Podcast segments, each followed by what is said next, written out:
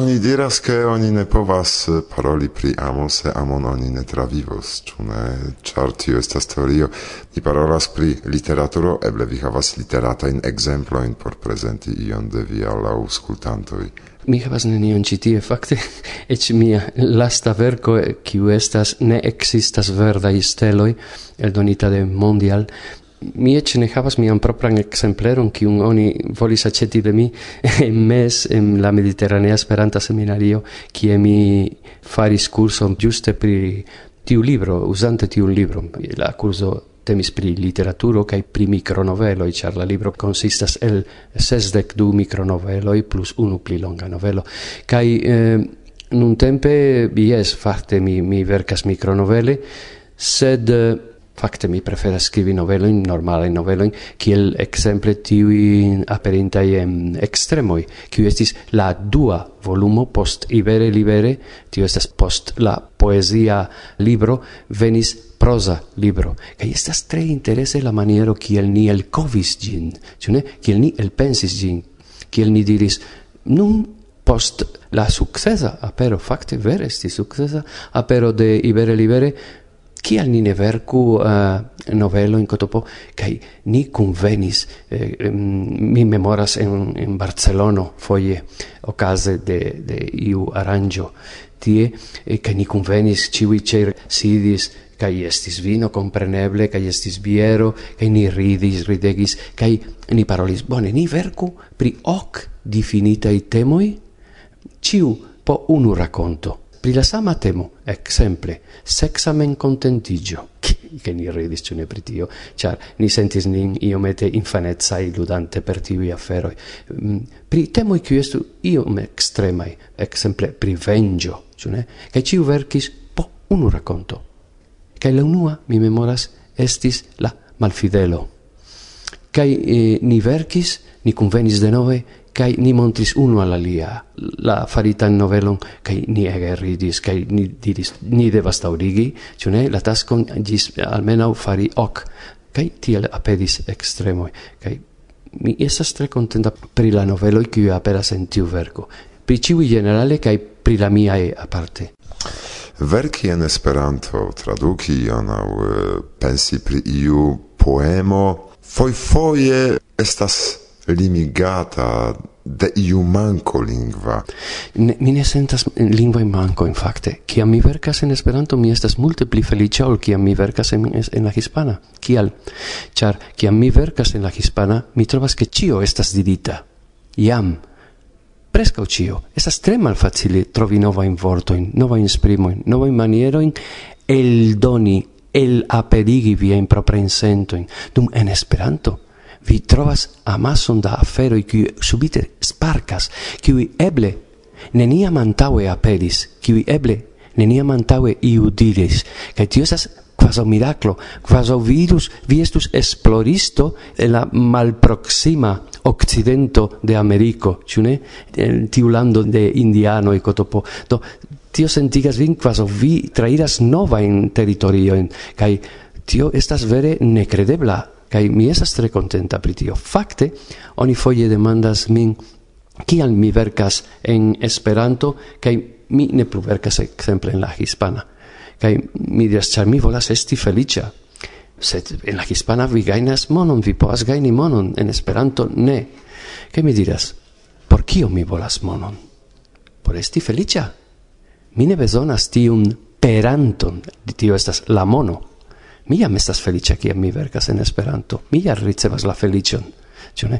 Homoj konfuzas la perilon kun la celon kaj mi havas tion tre klare en mia menso ke fakte Esperanto felicigas min vidante kion aliaj faras pro idealismaj sentoj, homoj povas eh, ne vere klare kompreni pri kio temas.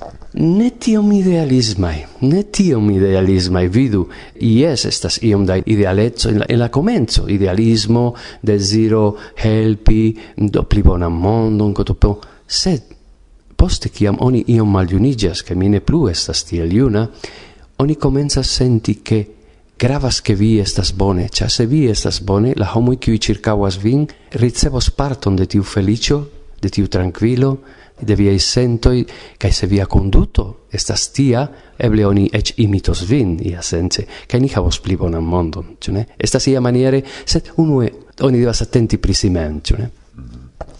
Do vi havas unikan ŝancon eh, peti aŭskultantojn ekzemple pri signoi che existas iui videoi, che existas iui YouTubeai canaloi pri cui eble vi ne scias, clarigi pri cui temas. Yes, vidu, existas pluraj canaloi, uno el ili estas nomata historieio, kaj en tiu canalo estas historiei documentoi, alia estas extremoi, tio estas la nomo de la dua libro kiun ni eldonis kune kaj en tiu kanalo en tiu extremoi estas monologoj, teatraĵoj, kantoj, Ankaŭ estas aliai canaloi, kiuj mi prizorgas, kai oni povas trovi ilin en extremoi, en la dextra parto de la reta pagio, vi vidas ke ti estas Svena Dun, kiu estas unu el miei pseudonimoj, kai estas aliaj canaloi, kiel Cioi, eh, Kotopo, kai vi povas alirilin, kai kaj la YouTube canalon de Hev, en kiu estas kelkaj centoi da filmetoj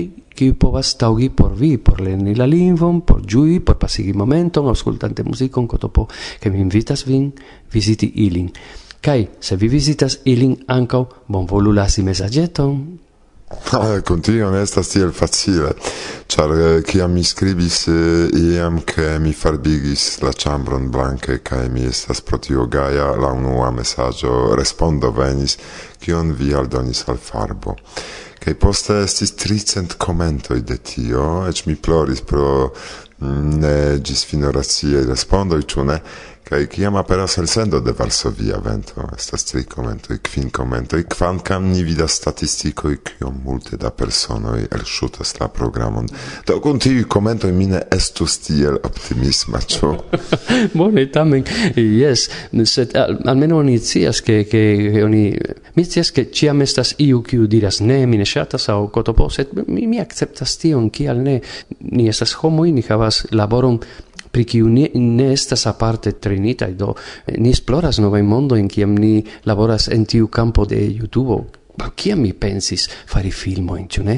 En mia tempo havi filmilon estis absolute nekredebla afero, ĉu ne? Kaj nun mi havas propran kanalon, tio estas nekredebla, mi povas ludi per tio kion mi volas, kaj montri al aliaj kion mi faras, kaj la aliaj en Japanio, aŭ en Usono, aŭ en Sudafriko, aŭ en Svedio, povas vidi tio kion mi faras, kaj eĉ mi ricevas eh, foje laŭdojn, la, mallaŭdojn ĝis nun apenaŭ, apenaŭ, apenaŭ la afero venas senpage generale kaj oni credas che che, che cio estas senpaga. Ni asocio estas iomete infanezza.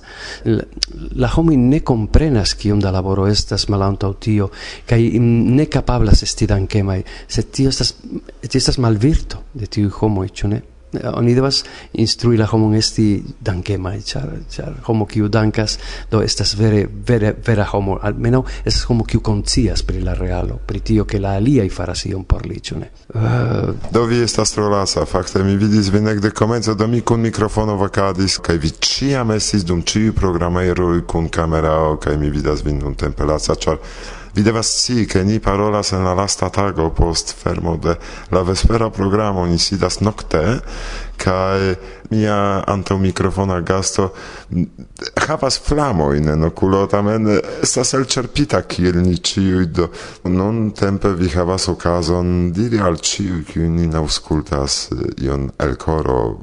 Yes, mi volas ion diri, kial ne, kai mia mesaggio estas tre simpla, bon volu legi, char la homoi ni vercas, cae vercas isole, cae se ni ne ricevas de vi iun etzigon che vi ion legis cae shatis au mal shatis, che vi comprenis au ne comprenis, che tiu causis al vi simple miron au simple rifuson, do se ni ne ricevas tiun impresoin, shainas quasi nia tuta laboro estis iom vana, ĉu ne?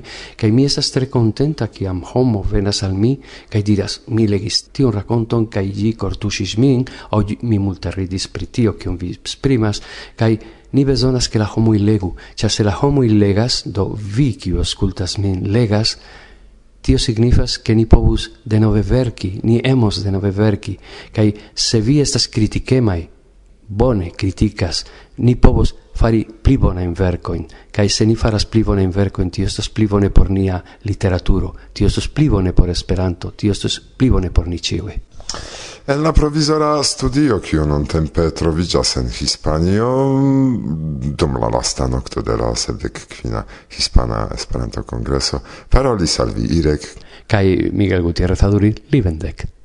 Koran dankon pro intervjuo, kai dankon pro via laboro, kiun sendube vi ankaŭ malkovros en la reto post kelkaj tagoj aŭ semajnoj, ĉu ne ĉio dependas de nia libera tempo. Dankon. Dankon al vi,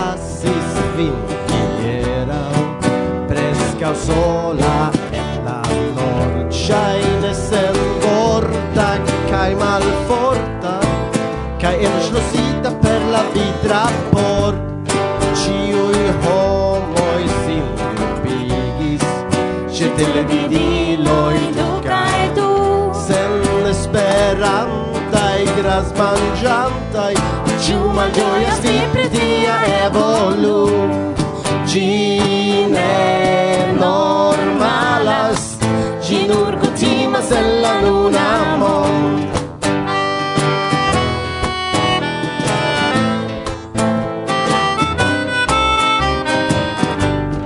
Pensas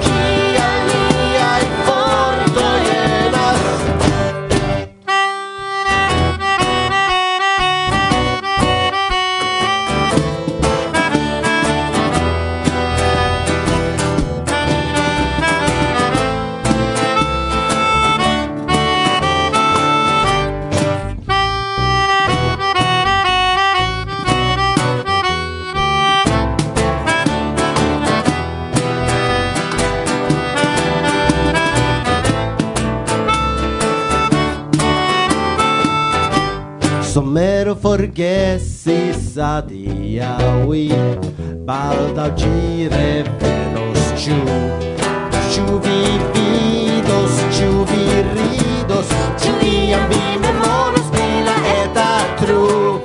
Ĝi normalas Ĝi nur kutimas en la luna mond. Gine normalas Ci nur kutimas en la nuna mond. Ci ne normalas. Ci nur kutimas en la nuna mond. Ci ne normalas. Ci nur kutimas en la nuna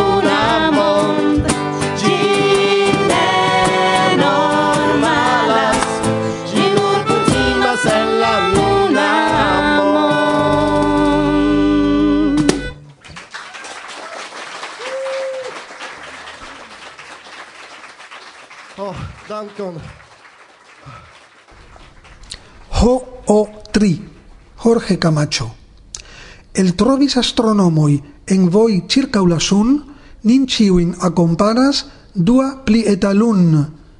La teron, nian heimon, segvadis en orbit ci asteroideto ciela incognit. Orbiten regula, tre dista de la Ter, caitamen cas fidele sur sama itiner. Cun ter cae lum gi valsas, sen luma, en triop, gin pene ec distingis Havaia telescop. Cara lunet, bon venon, vi mancis iam al ni, ci nova satelito nomigas HO3.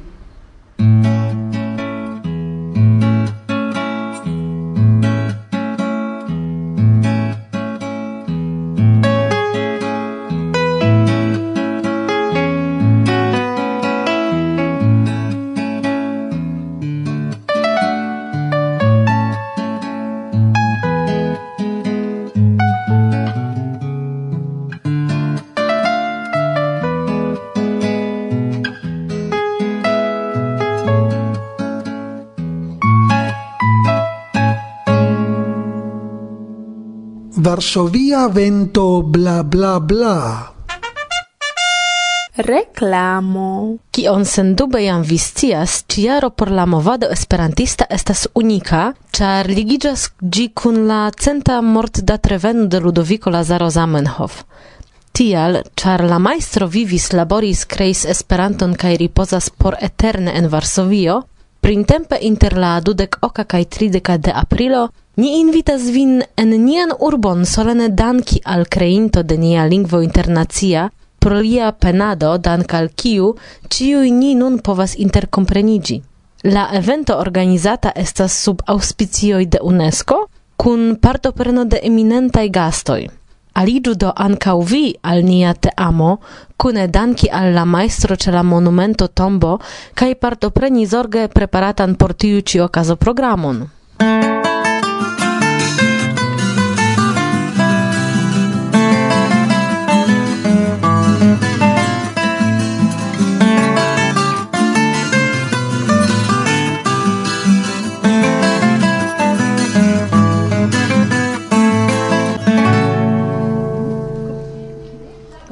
Kaj subite vizitas uh, nian redakcian provizoran uh, renkontiĝoj du personoj kiuj laste partoprenis iun eventon en ne tiel proksima urbo Poznań. Do, mi estas Eida el Brazilia. Danka. Kai eh, ĉi tie estas interese iomete, ĉar estas eh, instruistino kaj lernantino de tiu evento, kiu okazis en Poznano, ĉu ne? Rakontu iomete, kio okazas dum la semajno, kiun homoj ne vidas, nur vidas lernantoj kaj instruistoj. Eida komencu, ĉar mi partoprenis nur eh, duan duonon de la sesio estis la sesa sesio, do mi partoprenas la klason de tiui kiui specialiĝas pri literaturo. Do okazis unue renkontiĝo por klarigi pri la semajno kio okazos kaj poste venis simpozio pri lingvistiko, interlingvistiko, literaturo, gramatiko, Esperanto movado, kotopo kaj poste estis niaj lekcioj kaj la gruppo por instruista trainado ankaŭ havis eh, uh, lekciojn, prelegojn kaj tiel plu. Mi partoprenis la literaturan grupon kaj ekzamenigis ĉe tiuj studio objektoj kiujn mi ne antaŭe estis ekzameniĝinta. Kaj meze de la sesio okazis tre speciala vespero merkrede? Jes, estis por ni tre, tre, ni diru, estis memor vespero pri Eh, nia profesoro Zbishek Galor, kiu forpasis antaŭ nelonge. Ni renkontiĝis en tiu loko kie ofte okazas arkones, kai ni legis plurajn poemojn, kondolencojn, mi ludis eh, bekfluton kai estis prelego de Shemek pri tiui clownoi de Patch Adams, kiui faras bonegan kaj tre tre gravan laboron en Sudameriko. Kaj ĉe la fino de la sesio okazis ankaŭ ekskursoj. Vi partoprenis? Jes, mi partoprenis kaj frostis en Gniezno kaj jam sciis ke estis la unua ĉefurbo de Pollando, ĉu ne? Kaj estis tre ĉarma promenado. Ciceronis nin Wieszek. Kaj vi kion faras? A, mi debutis dum tiu ĉi sesio kiel instruistino. Oni invitis min dum lasta arkones por gvidi kurson, praktikan kurson de komunikado, kiel psikologio komprenas ĝin. Do estis tre interesa sperto por mi, ĉar du horoj antaŭ la komenco de tiu kurso dum interesa prelego de Vilmos Benčik mi ricevis informon ke mi avinigis, do mi estis tiom plena de emocioj kaj mi apenaŭ kapablis gvidi la kurson, sed lau pritaksoj de partoprenantojn tamen estis sufiĉe bone.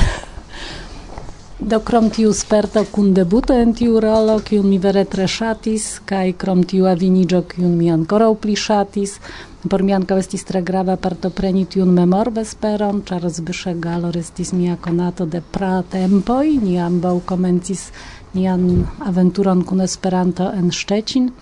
Ambaŭ estis lernantoj de sinjorino Palica, kai kiel mi diris dum tiu rememor vespero kun lia forpaso fakte ankaŭ forpasis peceto de mia juneco kai mi povis ankaŭ dum tiu vespero renkonti homoj delonge nevidataj. Rysie Grokicki, Balasz Wacha. Dovenas tiu tempo, kiam pli kaj pli ni rigardos gazetojn kaj serĉos funebrajn eh, informojn, ĉu ne? Sed tamen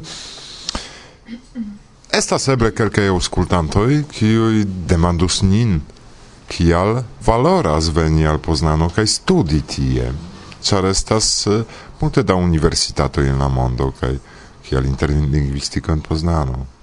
El Brazilo iu venas studi en Poznano en polando No, por mi estas eh, unika ĉar estas la kurso kiu eh, por mi estas plej speciala ĉar estas en Esperanto kai mi shatas uh, plu lerni kai mi shatas esti inter esperantisto kai por mi estas la nura oportuno por partopreni unikan kurson mi credas ke nenie en la mondo mi trovos alian uh, similan Ilona, czy vi audas tion? kaj nuntempe, jes, kaj nuntempe auskultu neniam da muziko. Dobrze być barankiem, wstawać wczesnym rankiem. Me, me, me, kopytka niosą mnie. Me, me, me, kopytka niosą mnie.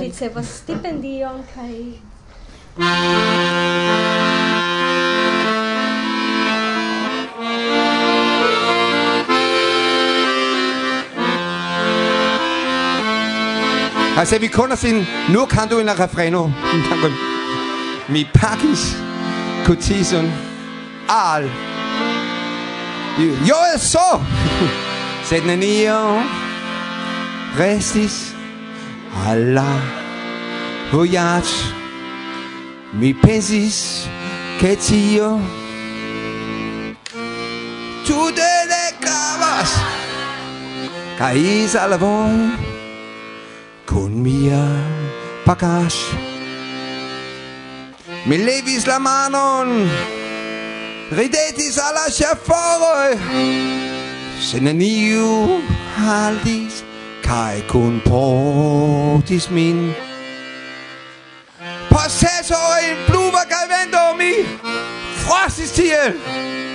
Kai mi gratis gav neniam mi forlaser sin diabla lukkerne kai mi sendis min ihjel tiel vi siger skiel Tiel sola sola sola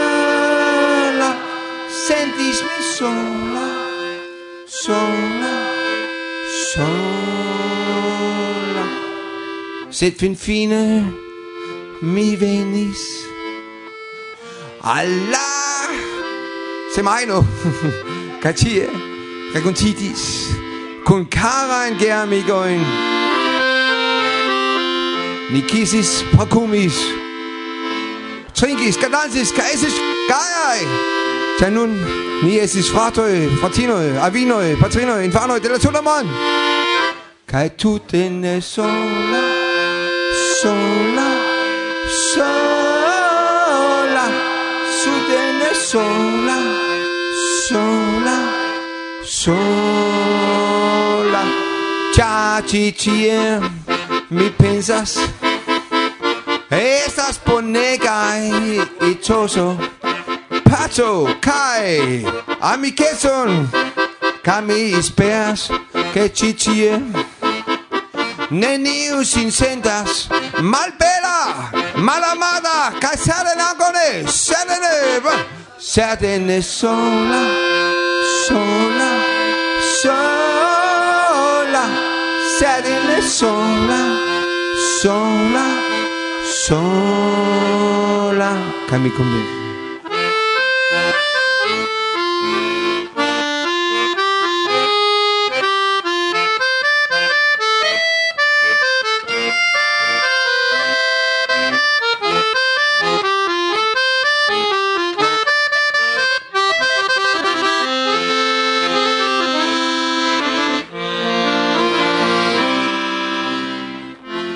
forse ni ciui. Vojaĝos hejmen al nia poplaro tra la tuta mondo kaj kiam mi sidas hejmen kaj pensos pri la vespero. Mi sentas min mie malĝoja kaj malgaja kaj ankaŭ iomete iom sola sola sola sola, sola, sola, cami comesas plui.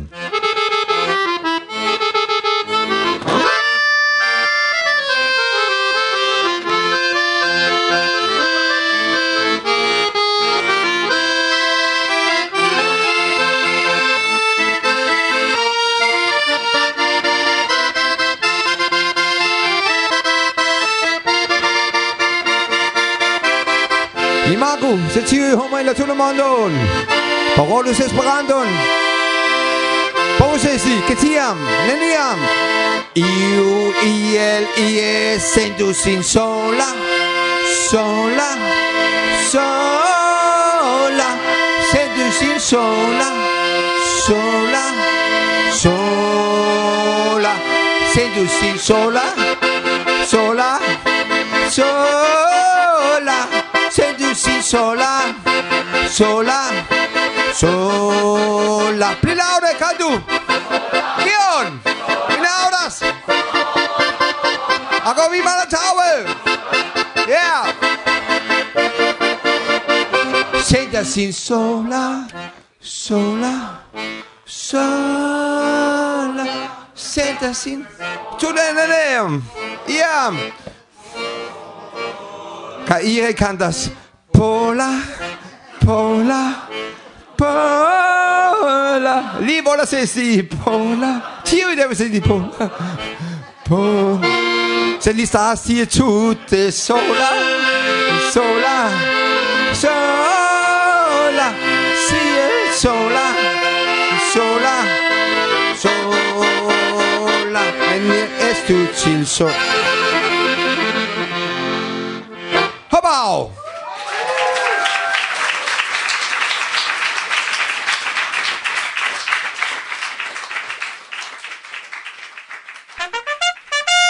Reklamo. La tridec tria psi, la printempa semaino internazia, ciare ocasos en Essen, inter la deca cae decsepa de aprilo.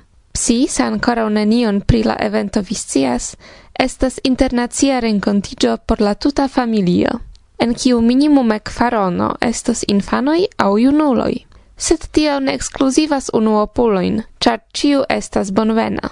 Ancora eblas aligi, aliĝu do kaj sentu vivin kune kun dum psi hejme.